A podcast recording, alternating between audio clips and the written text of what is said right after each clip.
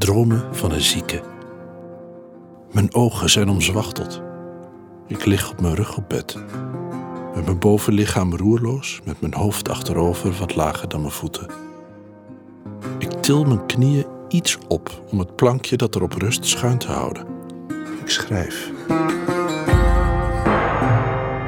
Gabriele D'Annunzio, de Italiaanse schrijver die leefde in de eerste helft van de 20e eeuw, die veel schreef en die ook doorschreef toen hij bijna blind was geworden na te zijn neergestort met zijn gevechtsvliegtuig in de Eerste Wereldoorlog.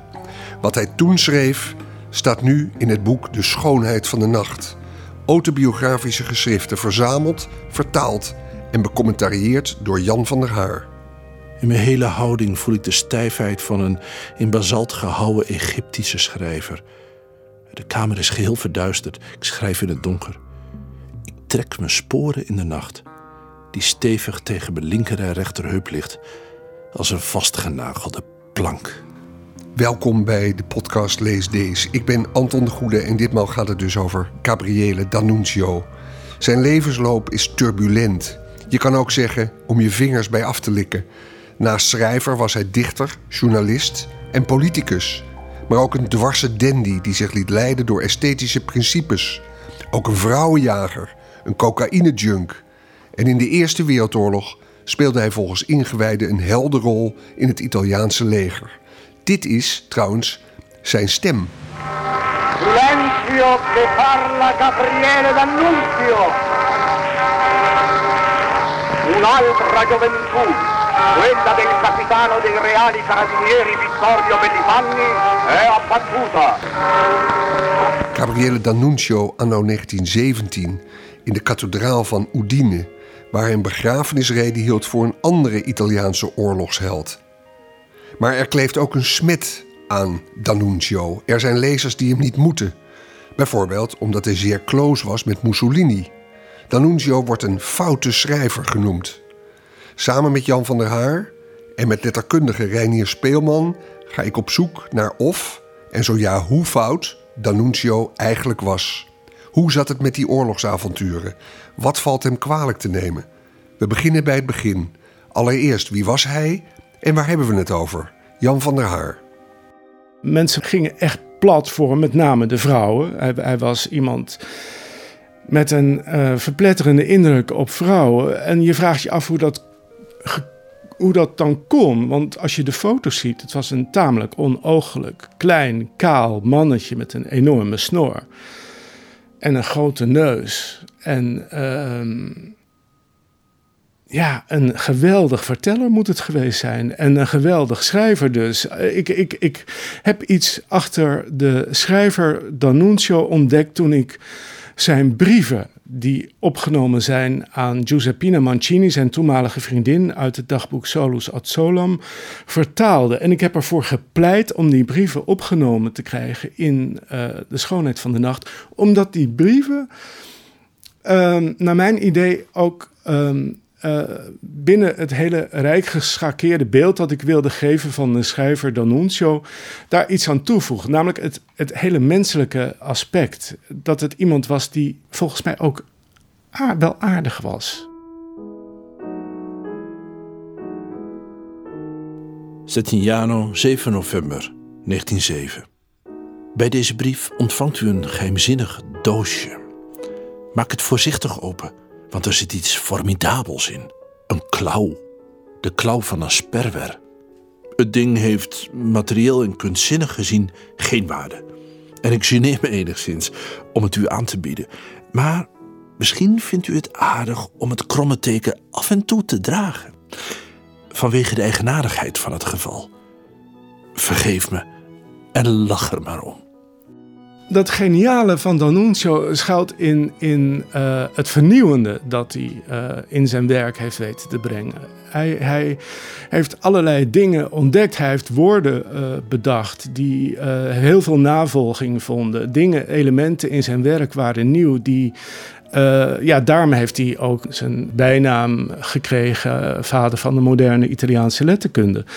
Hij, hij, was een vernieuwer. Het was ook iemand met, met een tomeloze inzet en een tomeloze energie. Hij schreef een toneelstuk in tien dagen, een roman in een paar maanden tijd. het was iemand die dan ook hele dagen doorwerkte en alleen af en toe een eitje naar binnen slorpte. Eh, en ja, dat, dat was het dan. Hij, ja, hij, was, ja, hij was geniaal, omdat hij op zoveel verschillende fronten uh, zich geniaal wist te bewijzen. Als je Nocturne leest, dat is een gestileerd dagboek. En eigenlijk is het een dagboek in poëzie. Het is een lyrisch geschreven dagboek in een heel bijzondere stijl. En je merkt ook dat hij uh, het strook voor strook heeft bij elkaar heeft geschreven. De stijl is zo gecondenseerd en, en, en zo uh, geconcentreerd. Eigenlijk kun je dat nocturne maar een paar bladzijden tegelijk lezen, want dan wordt het je te veel. Het, is als een hele goede, maar ook wat koppige wijn die je maar bij beetjes moet savoureren. Maar wat als er aan die wijn een vieze smaak zit? D'Annunzio is omstreden. Dat wordt bevestigd als ik een paar dagen na mijn bezoek aan Van der Haar veellezer Benjamin Moser ontmoet. Niet de eerste de beste. Hij is criticus en columnist van de New York Times Book Review. Moser zegt als ik hem vertel over D'Annunzio dat hij hem een foute schrijver vindt, die hij om die reden links laat liggen. Precies waarom hij de antisemitische schrijver Céline nooit zal lezen. Later ontmoet ik Van der Haar opnieuw op een Amsterdams terras en vraag hem wat hij tegen Moser zou willen zeggen. Nou, dan zeg ik uh, allereerst voor de grap dat hij op tijd is doodgegaan in 1938 voor het uitbreken van uh, de Tweede Wereldoorlog. Um, hij zou na de bevrijding uh, daar last mee gekregen hebben met zijn verleden. Dat inderdaad fascistoïde was. Maar of hij nou ja, een vierkante fascist was, ik betwijfel dat eigenlijk. Ik vind het ook jammer voor Benjamin Moser dat hij dan niets van D'Annunzio wil lezen vanwege die foute politieke eh, voorkeur, uh, vermeende foute politieke voorkeur. Want uh, D'Annunzio heeft heel veel te bieden en, en uh, ik heb dat zelf uh, proefondervindelijk kunnen vaststellen, al vertalend uit de schoonheid, wat de schoonheid van de nacht is geworden. Jan van der Haar betwijfelt dus of D'Annunzio een rabiate fascist was.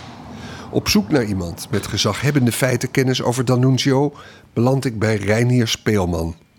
Werkzaam aan de Universiteit Utrecht.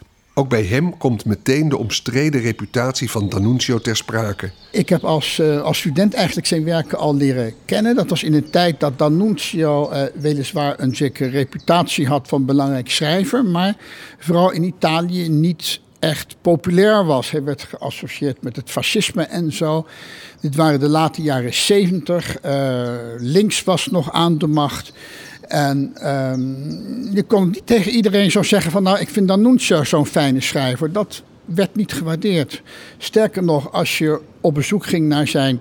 Uh, ja, zijn grote villa die hij gekregen heeft van de Italiaanse staat aan het Gardameer dan zaten er Norse mensen die je dan een kaartje moesten verkopen, maar die een grijns op hun gezicht hadden van, nou ja, ik ben wel lid van de communistische partij hoor. Uh, dat ging toen nog zo. Allemaal wat veranderd in Italië. Uh, jammer in zekere zin dat links in Italië zo weinig meer voorstelt, maar in elk geval is er wat meer ruimte voor een meer evenwichtige waardering van D'Annunzio en zijn werk.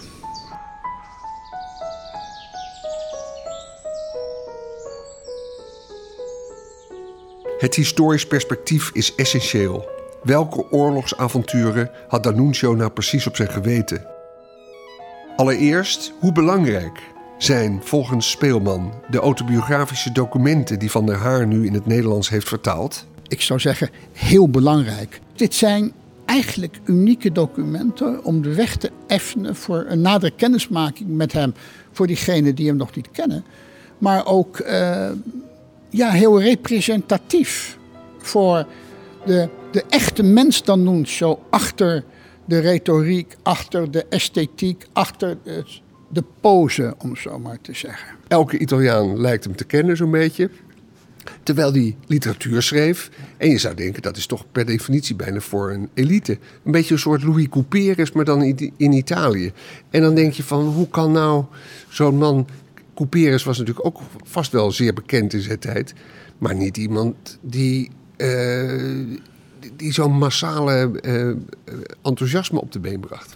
Ja, aan de ene kant was het een society-figuur, inderdaad vergelijkbaar met Couperus, maar hij zat gewoon eigenlijk meestal in Italië tot hij door schuldeisers achtervolgd de wijk moest nemen naar, naar Frankrijk.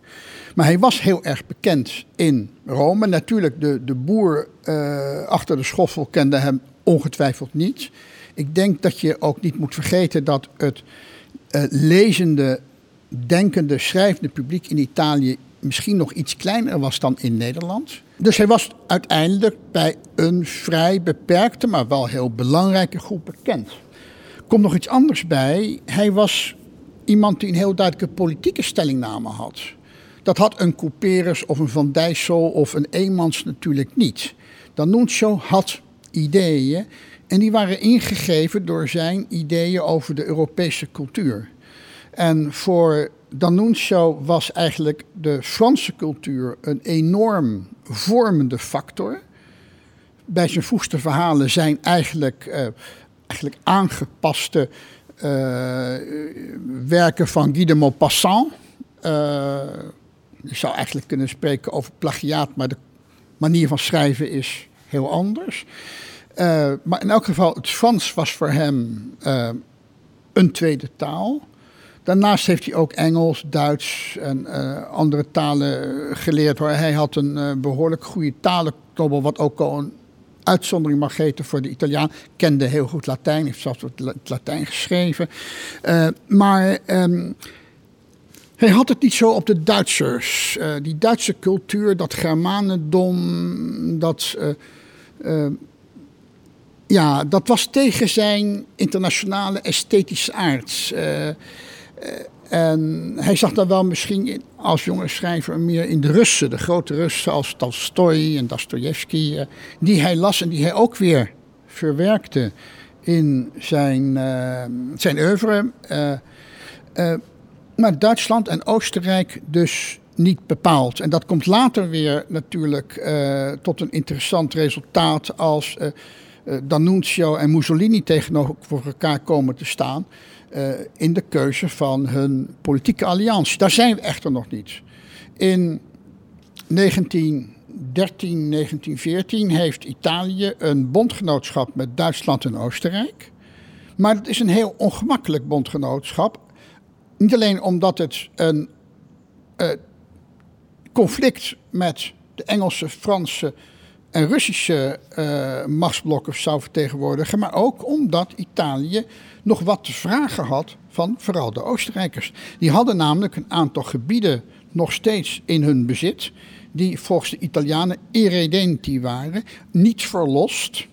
Dus nog bevrijd moesten zijn. Dat woord irredento, irredentismo is interessant omdat het ook van religieuze herkomst is. Jezus als verlosser, dit is op hetzelfde niveau geplaatst. En we hebben het natuurlijk over de steden uh, Trieste en Gorizia in uh, de Venetia Giulia, maar ook over de stad uh, Trento, die Oostenrijks was. En de Italiaanse nationalisten wilden dus eigenlijk die gebieden terug hebben. En zij zouden erin slagen uiteindelijk door diplomatie, maar ook door allerlei andere factoren, hebben ze gek genoeg natuurlijk ook nog uh, bootsen uh, in handen gekregen. Zuid-Tirol, wat natuurlijk met de Italiaanse cultuur net zo min iets te maken heeft als Polen en Friesland. Maar enfin, dat was nou eenmaal zo. En uh, D'Annunzio die maakte dus propaganda voor een ommezwaai in de internationale politiek. En hij was niet de enige, want hij had aan zijn kant de futuristen, de groep rond Marinetti. Sintesi musicali futuriste di Aldo Giuntini.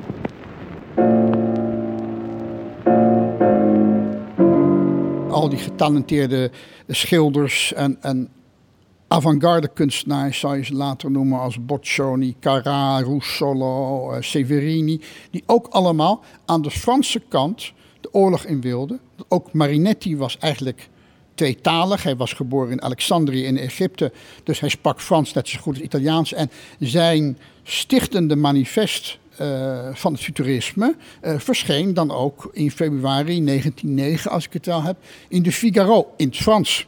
En daarna kwam het nog een keer in het Italiaans. La festa dei motori di guerra.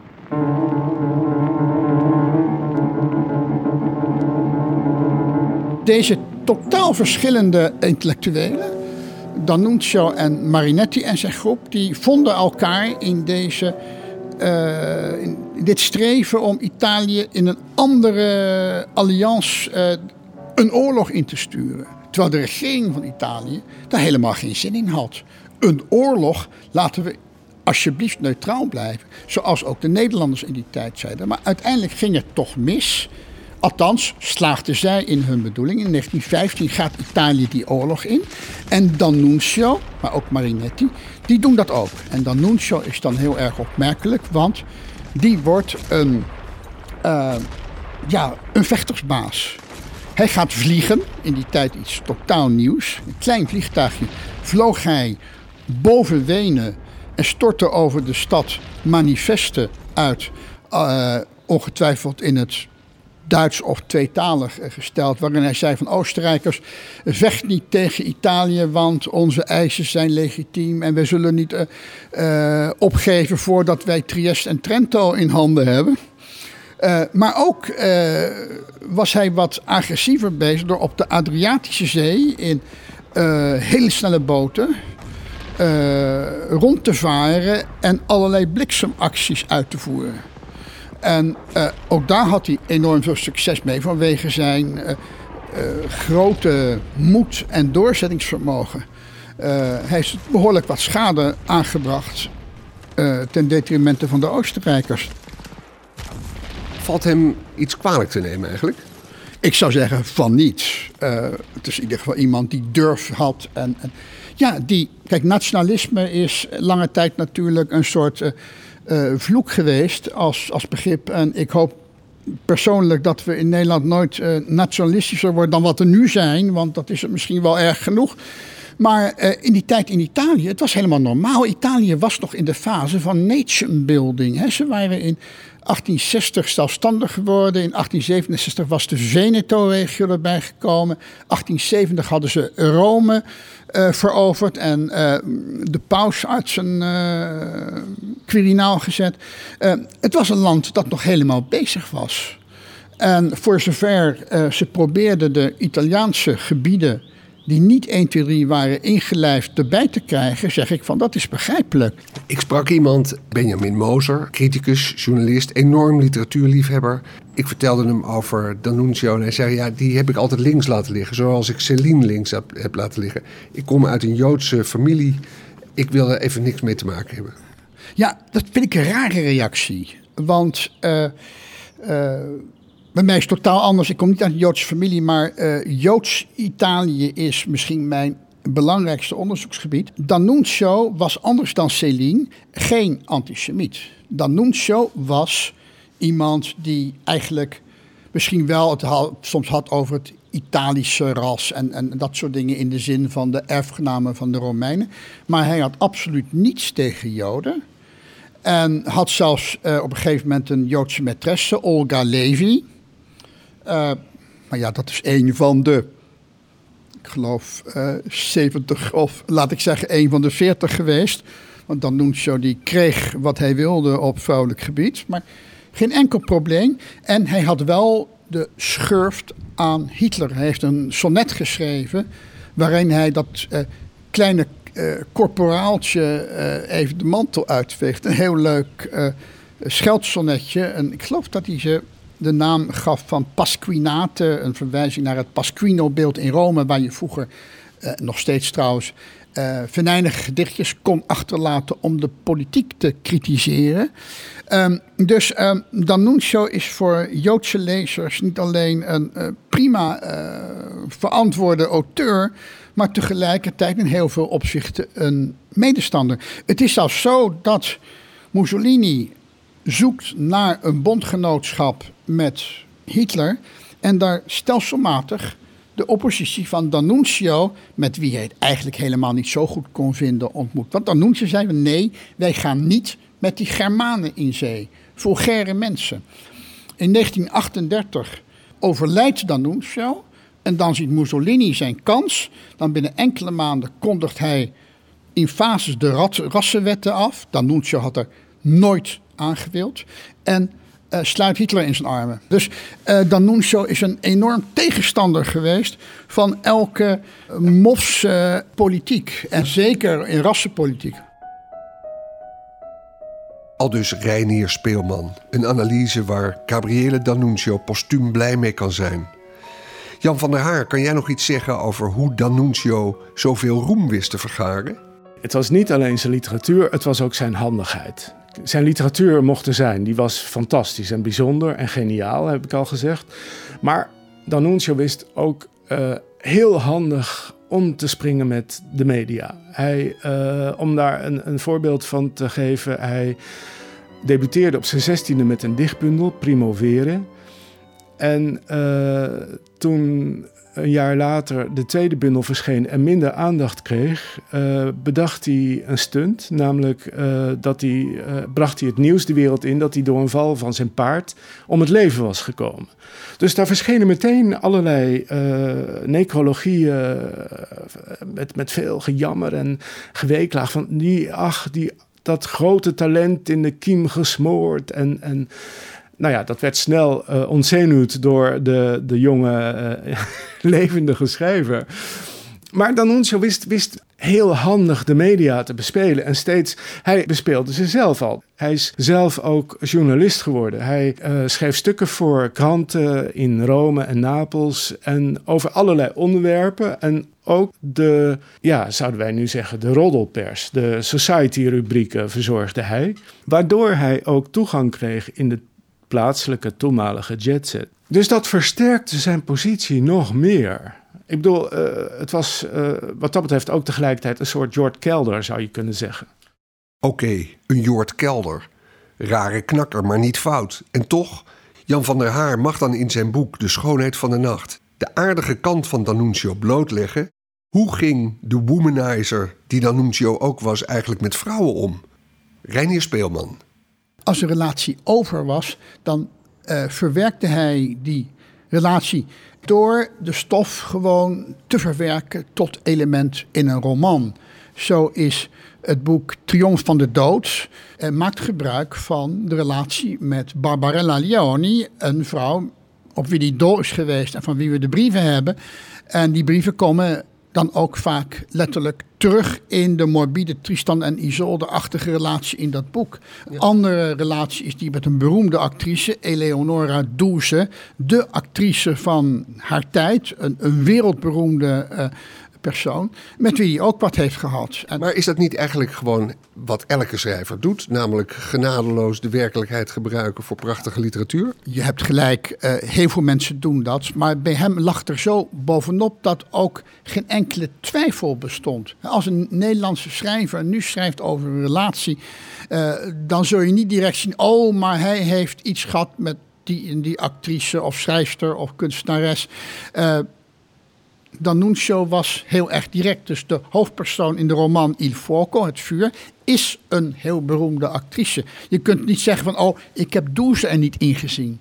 En dan worden allerlei persoonlijke dingen zo op tafel gelegd... dat ik denk, mevrouw Douze daar erg veel verdriet van zou hebben gehad. Laten we eindigen met de woorden van D'Annunzio zelf. De aardige D'Annunzio, zoals Jan van der Haar hem toont in De Schoonheid van de Nacht.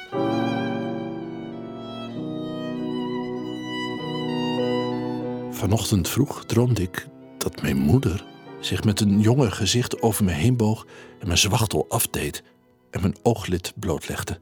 En het eerst verzachtte met haar adem en er toen haar lippen opdrukte. Ik was genezen. Ik had mijn hele gezichtsvermogen terug. Mijn oog was weer net zo fris en helder als bij een ontwaken in de puberteit. Zo levendig was die illusie dat ik me trillend oprichtte op mijn elleboog. Ik lichtte de ruime zwachtel, het droge compress op. Ik sloot mijn linkeroog. Ik zag de donkere, roerloze spin weer.